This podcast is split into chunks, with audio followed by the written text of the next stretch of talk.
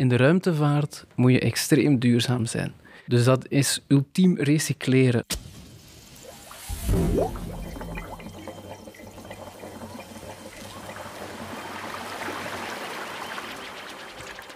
In deze podcastreeks nemen wij u mee naar de interessante wereld van water. Water doet huishoudens draaien, landbouw bloeien en industrie produceren. Welkom bij Waterkans. Maar er zijn ook uitdagingen. De waterbeschikbaarheid in Vlaanderen is laag en we zijn wereldkampioen in het verspillen van water. In Antwerpen aan de Schelde zoekt Blue App naar duurzame oplossingen voor de toekomst. Het verbindt universiteit, onderzoekers, bedrijven en organisaties om te innoveren. Want water biedt veel kansen. In vijf afleveringen laten we verschillende experten aan het woord, van de Universiteit Antwerpen en van partnerorganisaties.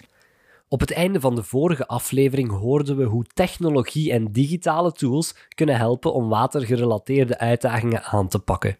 Van daaruit springen we naar professor Siegfried Vlaming, bio-ingenieur en waterexpert bij de U Antwerpen onderzoeksgroep Duel. Hij vertelt over Waterreact. Waterreact is een tool dat wij ontwikkelen, een uh, software tool, waarbij we de uitwisseling van water tussen bedrijven willen stimuleren. Bijvoorbeeld bedrijf A produceert uh, heel veel afvalwater, maar heeft een, uh, een beperkte watervraag voor een bepaalde kwaliteit. En bedrijf B verbruikt veel water uh, en heeft kwaliteit X nodig. En wij gaan dus gaan kijken, is het zinvol de hoeveelheden water die beschikbaar zijn en de dynamiek daar rond, de ene kan bijvoorbeeld s ochtends water nodig hebben, de andere in de namiddag, of dat kan met pieken golven komen. De kwaliteit van dat water en de, uh, in het afvalwater bijvoorbeeld kan gaan variëren. We gaan kijken, is dat zinvol om aan waterhergebruik te doen en uitwisseling tussen bedrijf A en B? Uh, met andere woorden, tot welke mate moet je dat gaan opzuiveren? Welke, op welke mate moet je dat in feite, hoe ver moet je dat gaan transporteren? Uh, komt dat allemaal goed overeen? Zitten die niet te ver van elkaar? Um, dus die tool kan die zaken gaan inschatten en daar een soort score op gaan zetten. En de bedoeling is ook dat die tool daar een kost kan aan koppelen. En wat dat we dus willen, is minder afhankelijk zijn van kraantjeswater, van de gewone uh, bronnen, de gewone ik zou moeten zeggen, de conventionele bronnen van water. Dat is oppervlaktewater en grondwater. Maar we weten dat er naar grondwater toe een problematiek is als we te veel extraheren. Naar oppervlaktewater toe met droogteperiodes en andere periodes, klimaatopwarming, we heel wat eh, problemen om in de leveringszekerheid en de kwaliteit te blijven voldoen.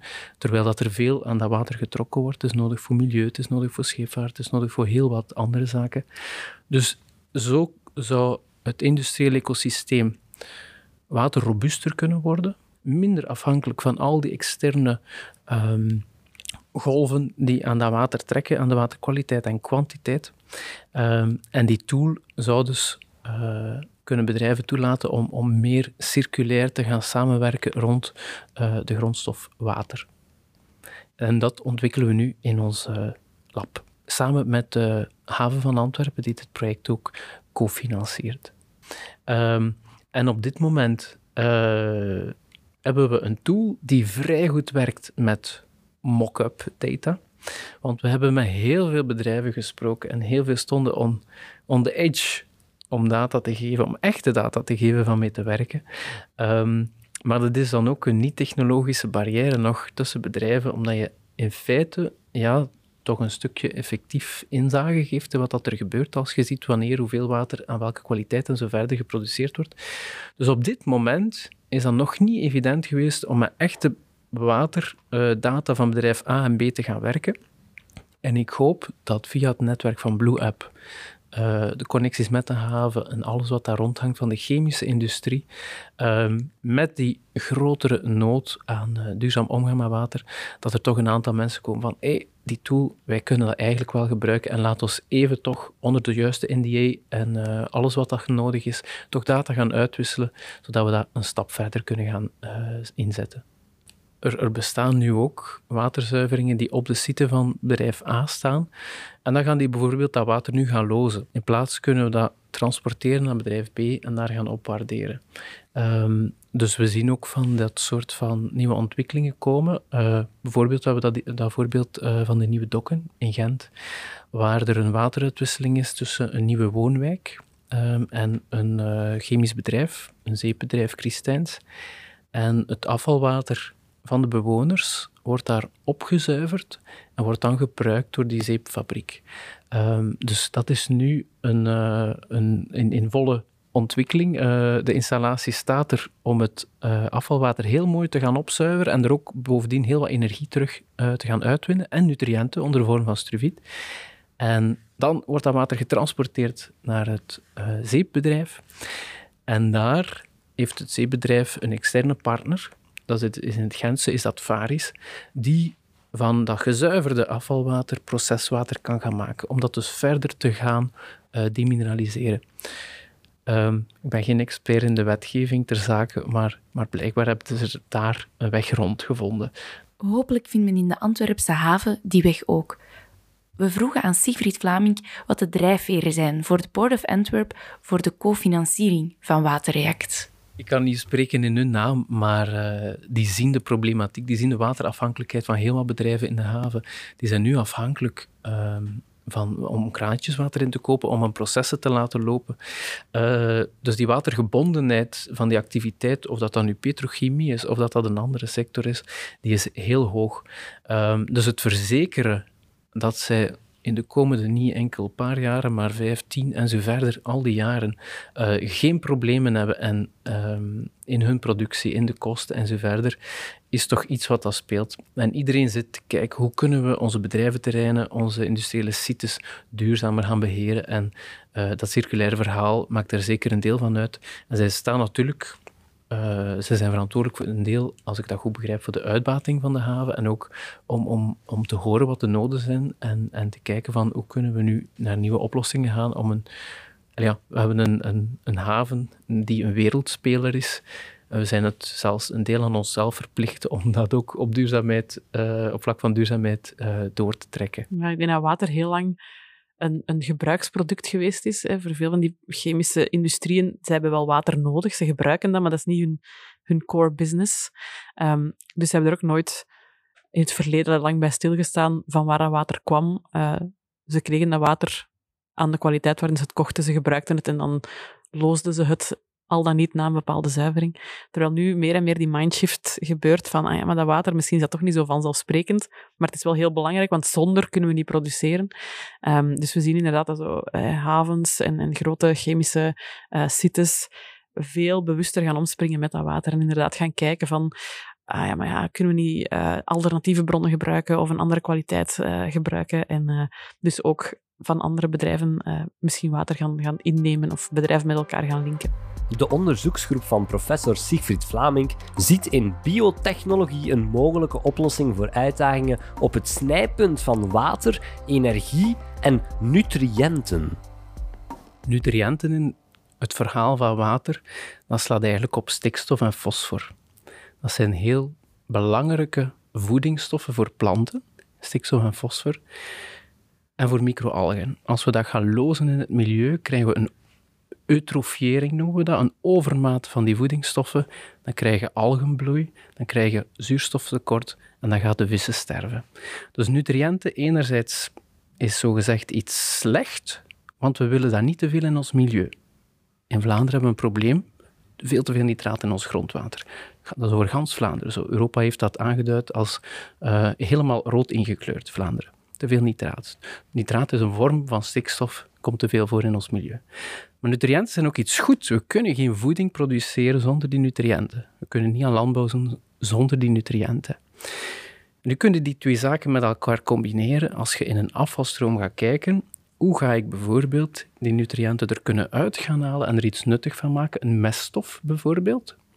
En dat gaan inzetten in de landbouw. Um, we kunnen dat bijvoorbeeld met stikstof doen.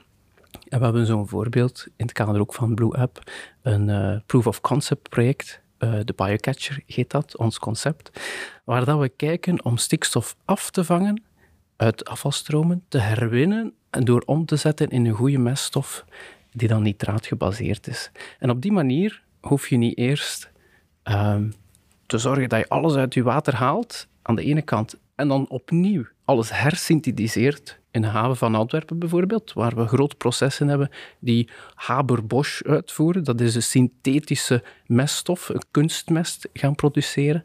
Uh, dus wij kunnen die keten in feite, of die cyclus gaan uh, kortsluiten door uit ons afval de nutriënten te gaan halen, opwaarderen en direct terug gaan gebruiken. Dus zo doen we eigenlijk twee vliegen in één klap. De basisconcepten die er aan de grond van liggen, hebben we in het lab aangetoond dat die zouden kunnen werken. Dus technologisch kan het zeker werken. Nu moeten wij dat zo gaan verder ontwikkelen dat het economisch ook uh, steek houdt, samen met de bedrijven.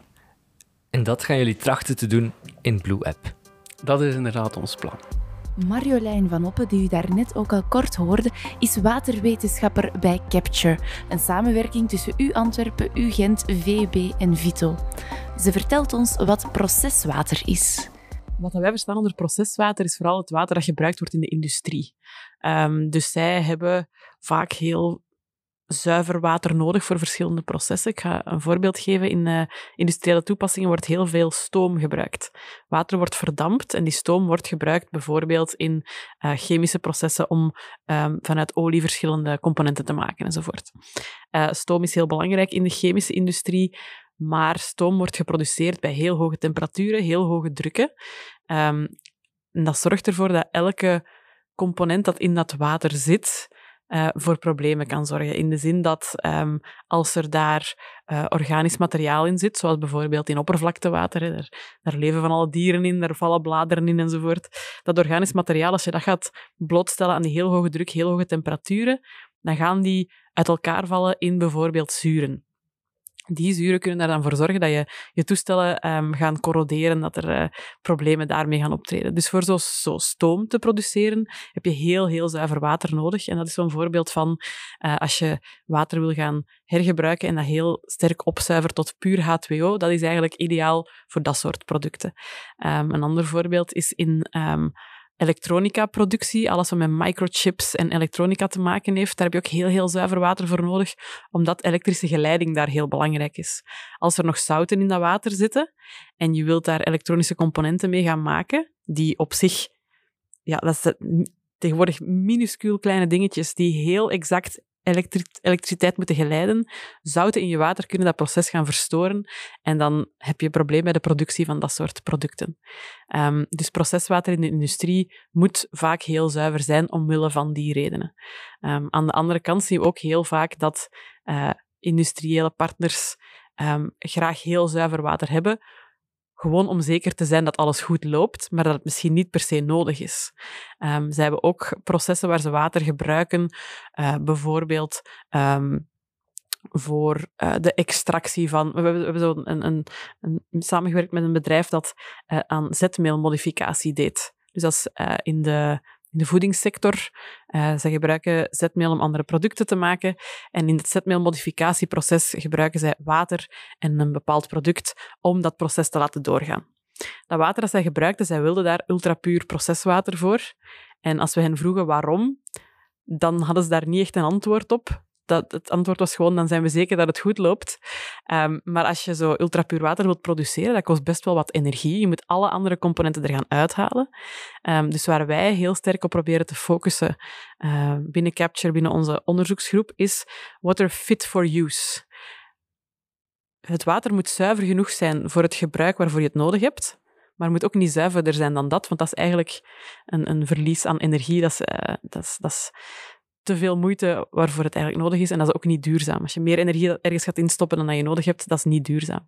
Dus die water fit for use, dat echt gaan kijken naar welke kwaliteit water heb je nodig en er naar streven om die kwaliteit te gebruiken en niet per se beter dan dat, is iets waar wij heel sterk op inspelen om die watercyclus van uh, grote bedrijven duurzamer te maken. En kleine bedrijven ook. Siegfried Vlaming haalt nog een herinnering op aan een van de eerste projecten waarbij hij met Marjolein samenwerkte. En dat had iets te maken met de ruimtevaart. In de ruimtevaart moet je extreem duurzaam zijn. In die zin, als je spreekt over vluchten die met een crew op lange termijn uh, naar de maan gaan, naar Mars uh, of wat dan ook, dan kun je niet kwistig omgaan met je materialen, met je hulpbronnen, met je water en zo verder. Dus dat is ultiem recycleren aan de hoogst mogelijke uh, graad, uh, niet enkel aangewezen, maar de enige optie. En uh, op dit moment gebeurt dat al in het internationaal ruimtestation ISS. En daar, bij wijze van boetade, drinken de astronauten elke dag dezelfde koffie, omdat uit de urine dat water hergewonnen wordt en teruggebruikt wordt om er iets van te drinken of iets uh, van eten mee te maken. Nu, wij ontwikkelen samen uh, in het programma wat Melissa heet. En dat is een programma van de Europese ruimtevaart, van het Europese Ruimtevaartsagentschap, ESA. Daar ontwikkelen wij dat wat wij noemen regeneratieve systemen, dus volledige circulaire systemen. En voor de aarde is dat op vandaag, lijkt dat misschien nog heel extreem. Maar dat leert ons heel veel hoe dat je bijna perfect zelfstandig circulair kunt zijn, dus ultra duurzaam kunt gaan zijn. En uh, we hebben dat met een nieuw proces gedaan om water uit urine en douchewater te gaan herwinnen. Um, en daar ook nog andere nuttige producten rond te maken.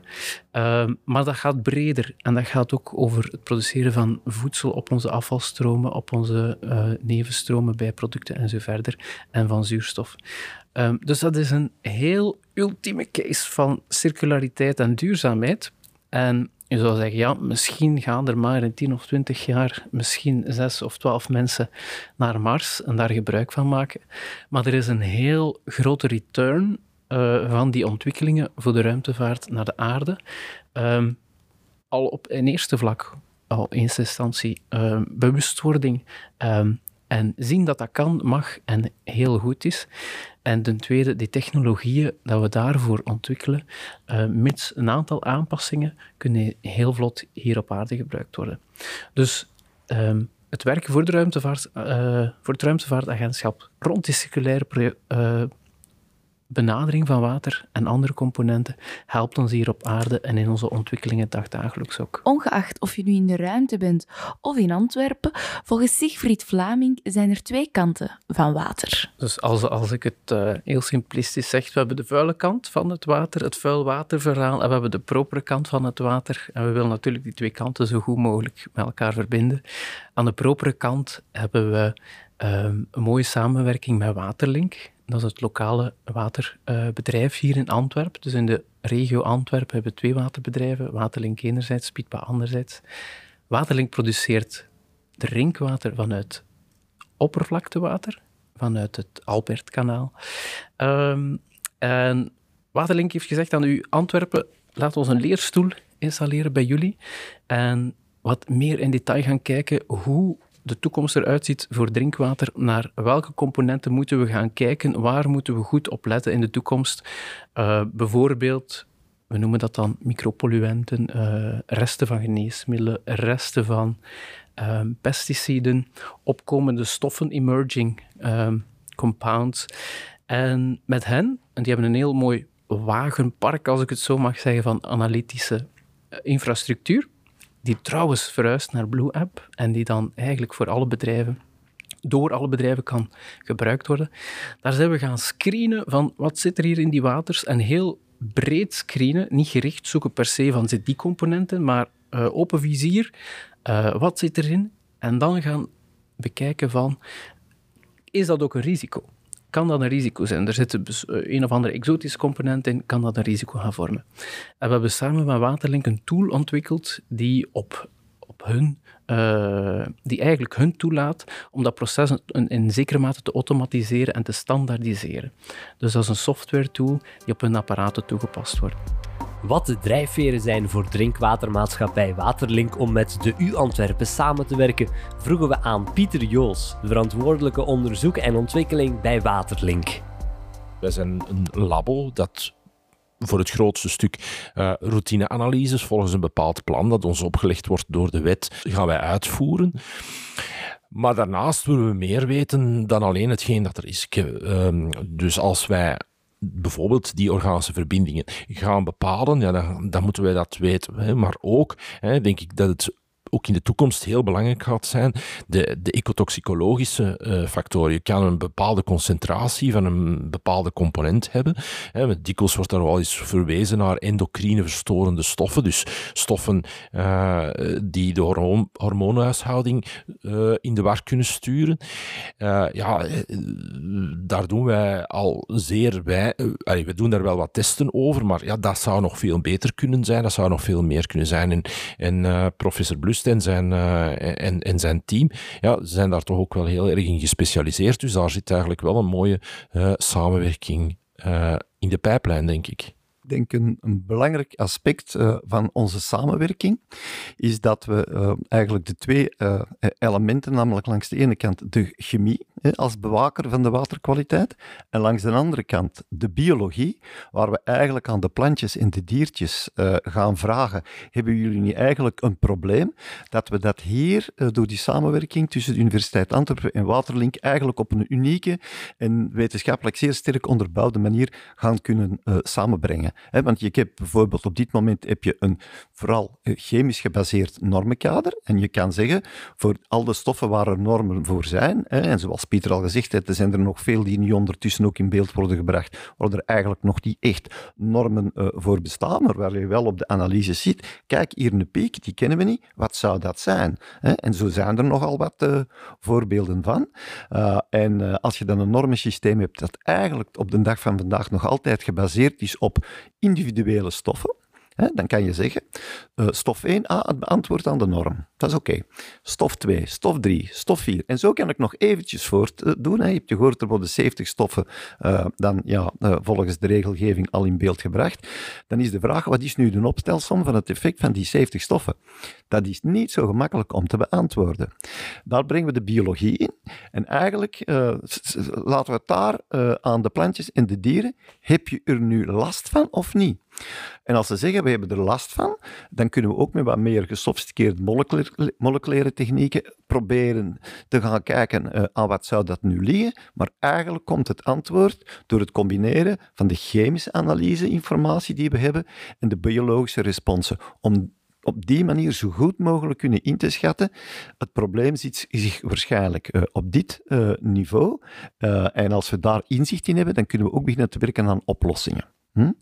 Uh, en dat doen we dus op het niveau van drinkwater, dat doen we op het niveau van uh, industriële en andere effluenten, en dat doen we ook op het niveau, het meer ecologische niveau, op het niveau van het ontvangende water. Hè? Want dat zijn eigenlijk de drie belangrijkste compartimenten naast grondwater, eigenlijk ook nog een belangrijk compartiment waar we rekening moeten mee houden. Binnenkort opent het Blue App-gebouw in Antwerpen. Uh, uw onderzoeksgroep gaat daar ook een rol in spelen. Klopt dat, professor? Ja, maar dat zal zich dan inderdaad uh, vooral situeren in de samenwerking uh, met, met Waterlink. Hè, waar we eigenlijk de kennis uh, van de beide teams zo goed mogelijk op elkaar willen afstemmen. dat gebeurt al voor een stuk. maar ehm, ja, wij zijn gestart vanuit een vrij fundamenteel perspectief jaren geleden. Meer en meer ook in de richting van de toepassingen, want je wil met die kennis natuurlijk ook iets, iets doen. en die evolutie die zet zich meer en meer voort. Wij krijgen wat misschien tien jaar geleden en zelfs vijf jaar geleden toch een stuk minder het geval was. Wij krijgen nu bijna wekelijks vragen ook vanuit bedrijven. Uh, omdat ze ook geconfronteerd worden met, ja, uh, ja onze, ons uh, effluent is niet meer in orde. Vlaamse Milieumaatschappij bewaakt dat ook. en ja, aan wat ligt dat dan? Hè? Want er moet ook gezocht worden naar oplossingen. En naarmate dat de wetgeving, de regelgeving aangescherpt wordt, hè, wat een zeer goede zaak is, worden die bedrijven ook alerter en verantwoordelijker. En dan willen ze naar goede oplossingen zoeken. Hm? En uh, ja, die goede oplossingen, dat zijn complexe problematieken. Uh, daar heb je toch wel behoorlijk wat wetenschappelijk inzicht uh, voor nodig, vanuit het chemisch en vanuit het biologisch perspectief. En als we die kennis hier samen met Waterlink kunnen combineren, dan hebben we naar de toepassingen toe, denk ik, een heel sterk team.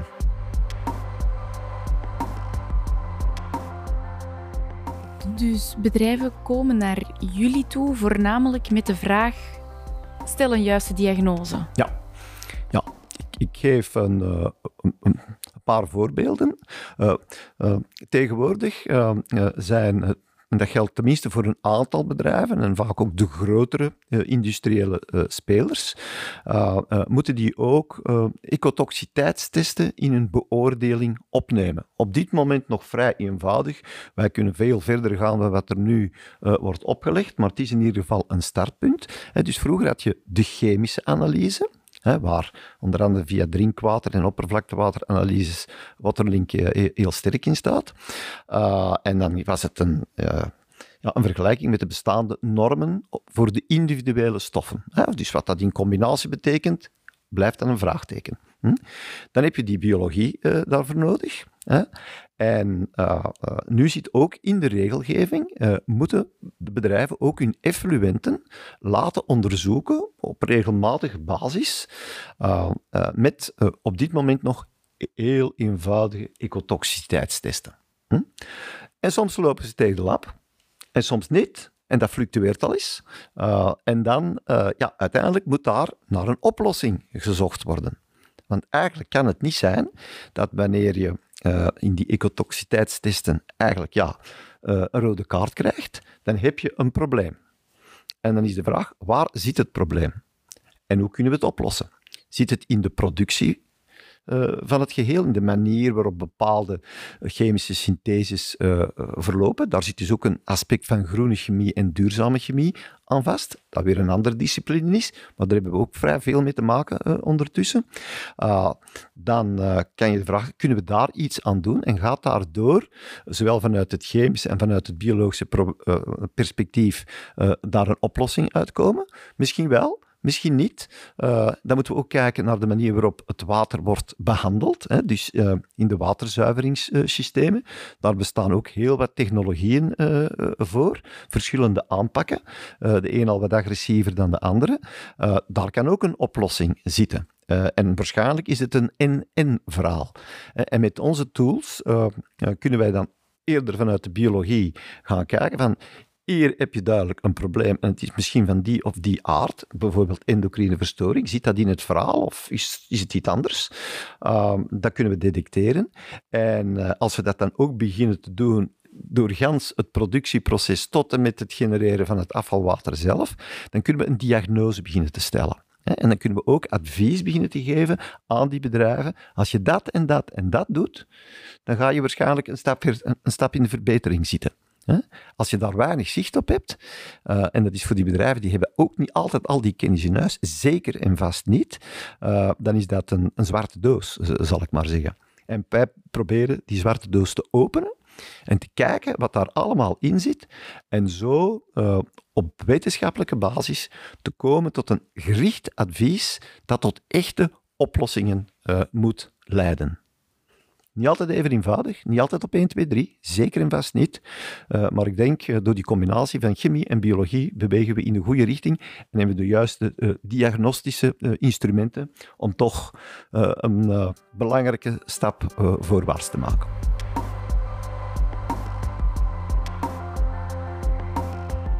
Waar we de dag van vandaag nogal intens mee bezig zijn, is de problematiek van de zogenaamde gecombineerde stress of de mengseltoxiciteit. Zeg maar verschillende dingen samen, verschillende factoren, uh, die uh, hebben een effect dat uh, misschien anders is dan gewoon de optelsom van de individuele effecten. En uh, we weten dat dat zo is, uh, maar uh, het begrijpen van hoe komt dat nu, welke mechanismen zitten daarachter, daar hebben we nog relatief weinig zicht op.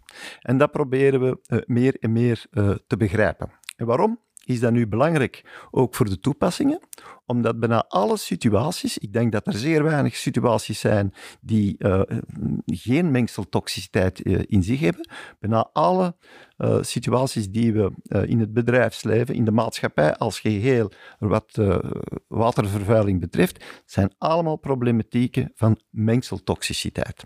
Dus als we goed inzicht hebben hoe verschillende stoffen met elkaar interageren en zo misschien problemen veroorzaken die we anders uh, niet zouden uh, detecteren. als we daar goed inzicht in hebben, dan gaat dat ons ook heel veel helpen om de diagnostiek die voor de bedrijven van belang zijn, ook te kunnen stellen.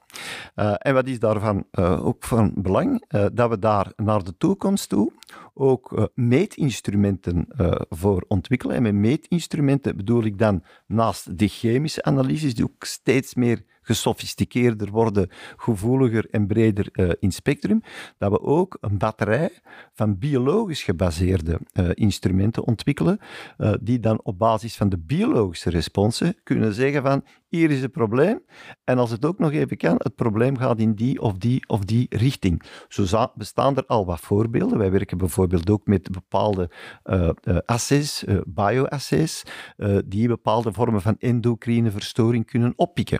Dus als je dan in zo'n staal ziet dat er bepaalde hormoonverstorende effecten optreden, uh, dan zegt dat wel al het een en ander over dat staal. Uh, en eigenlijk uh, moet je dat kunnen toepassen op verschillende soorten van effecten die bijvoorbeeld in zo'n afvalwater kunnen voorkomen. En als we dat allemaal kunnen combineren, dan hebben we eigenlijk een diagnostisch gereedschapskist, zal ik maar zeggen, waar we naar de bedrijven toe de diagnose kunnen stellen maar niet alleen de diagnose kunnen stellen, maar tegelijkertijd ook in samenwerking met watertechnologen uh, aanbevelingen geven. Als je het nu zo en zo en zo aanpakt, dan denken we uh, dat we een goede oplossing hebben. en dat is denk ik voor de bedrijven naar de toekomst toe, die toch nog heel regelmatig uh, geconfronteerd worden met een vrij ernstige uh, uh, ja, waterkwaliteitsproblematiek. dat dat daar heel belangrijk kan zijn. Ook het hergebruik van water, hè, dus eigenlijk het regenereren van afvalwater en het teruggebruiken om eigenlijk de watercyclus zo goed mogelijk te sluiten. dat is, heeft een technologisch aspect, maar dat heeft uitgesproken ook een waterkwaliteitsaspect. En vandaar dat die kennis en de manier om die diagnoses en die diagnoses te koppelen aan oplossingen, dat ik denk dat dan uh, heel belangrijk gaat worden. Op dit moment hebben we uh, met een aantal industriële partners, het zit in het kader van een, een Catalysti-project. hebben wij uh, met uh, ja, meer dan 15 bedrijven en grote spelers, hè, het zijn geen kleine bedrijven, het zijn allemaal heel grote bedrijven, hebben wij op dit moment reeds een soort van pilootproject lopen, waar iets in zit dat misschien een beetje een moeilijke term is. We noemen dat een toxiciteitsidentificatie-evaluatie. Dus dat wil eigenlijk zeggen toxiciteit-identificatie Waar komt de toxiciteit vandaan? We zien dus in onze biologische uh, testen dat er ergens zich een probleem manifesteert. Oké, de biologie heeft een probleem. Maar waar zit het probleem? Toxiciteit, ja. Identificatie van de toxiciteit. En dan ook in een kader waarbij we uh, kijken naar hoe is dat bedrijf georganiseerd, hè, de productieprocessen, de waterzuivering, de afvalwaterstromen. Uh, en dan proberen we met uh, die gereedschapkist, die we dan gebruiken voor die toxiciteit-identificatie uit te kunnen voeren, proberen we, is ook weer een combinatie van chemie en biologie, proberen we zo gericht mogelijk te gaan identificeren waar het probleem zich manifesteert. Soms kan dat vrij eenvoudig zijn. Ik geef een voorbeeld. Uh, ammoniak, ammonium, dat is een zeer toxische stof en die komt in afvalwaterstromen nogal eens voor. Als je daarmee zit, dan is het probleem eigenlijk vrij eenvoudig te identificeren, als dat een vrij hoge concentratie is. Uh, maar in nogal wat andere gevallen is het probleem niet zo eenvoudig en is het een combinatie van van alles en nog wat. Een toxische cocktail, uh, zeg maar. En dan is het de zaak van te gaan identificeren wat zijn nu de componenten die eigenlijk verantwoordelijkheid, uh, verantwoordelijk zijn voor het probleem, of tenminste voor het grootste deel van het probleem. En als we die hebben geïdentificeerd, dan kunnen we ook in die productieprocessen gaan bekijken van ah, die komen van daar en van daar en van daar. Dus eigenlijk moeten we daar het kraantje toedraaien en uh, toch iets anders mee gaan doen om het probleem proberen op te lossen. Dat kunnen we in het labo ook simuleren. Hè? Als we dat een beetje kennen, kunnen we eigenlijk dat synthetisch uh, eigenlijk, uh, hercreëren in het labo, op kleine schaal uiteraard, en dan kijken uh, of wat wij geïdentificeerd hebben als de toxische verantwoordelijken, wanneer we dat terug samenstellen, of dat we inderdaad diezelfde effecten terugzien. Dat is eigenlijk de proef op de som.